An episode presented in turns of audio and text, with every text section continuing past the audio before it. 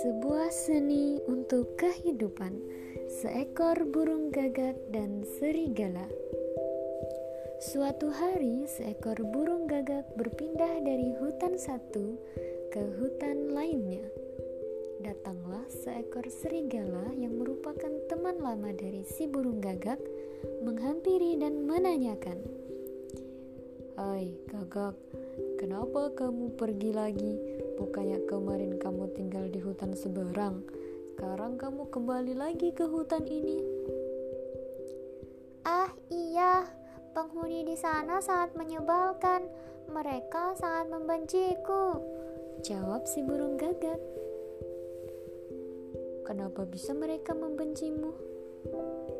Tanya lagi si serigala. Usut punya usut, Ternyata si burung gagak selalu berpindah-pindah tempat karena merasa dibenci oleh tetangganya. Bagaimana tetangganya tidak pernah membenci burung gagak, padahal burung gagak selalu bernyanyi setiap malam dan menimbulkan kebisingan. Itulah sebabnya kenapa tetangganya selalu tidak menyukai burung gagak. Tahukah kamu Kenapa burung gagak sangat begitu congkak dan juga sombong?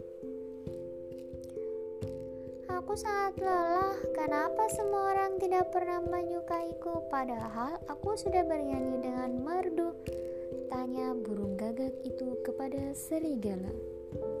Lantas serigala pun menjawab, "Eh, coba kau introspeksi diri dulu. Apakah Kau sudah benar burung gagak?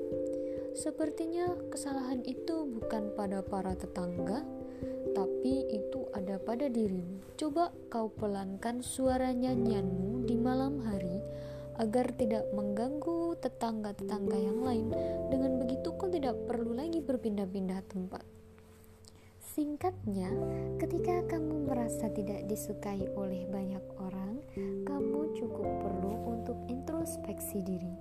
Mungkin penyebabnya ada pada dirimu. Jadi, kita tidak boleh menyalahkan langsung orang lain dengan apa yang mereka ambil keputusan. Oke, nah, buat kamu yang mendengar record voice ini, semoga bisa menjadi pelajaran untuk kehidupan.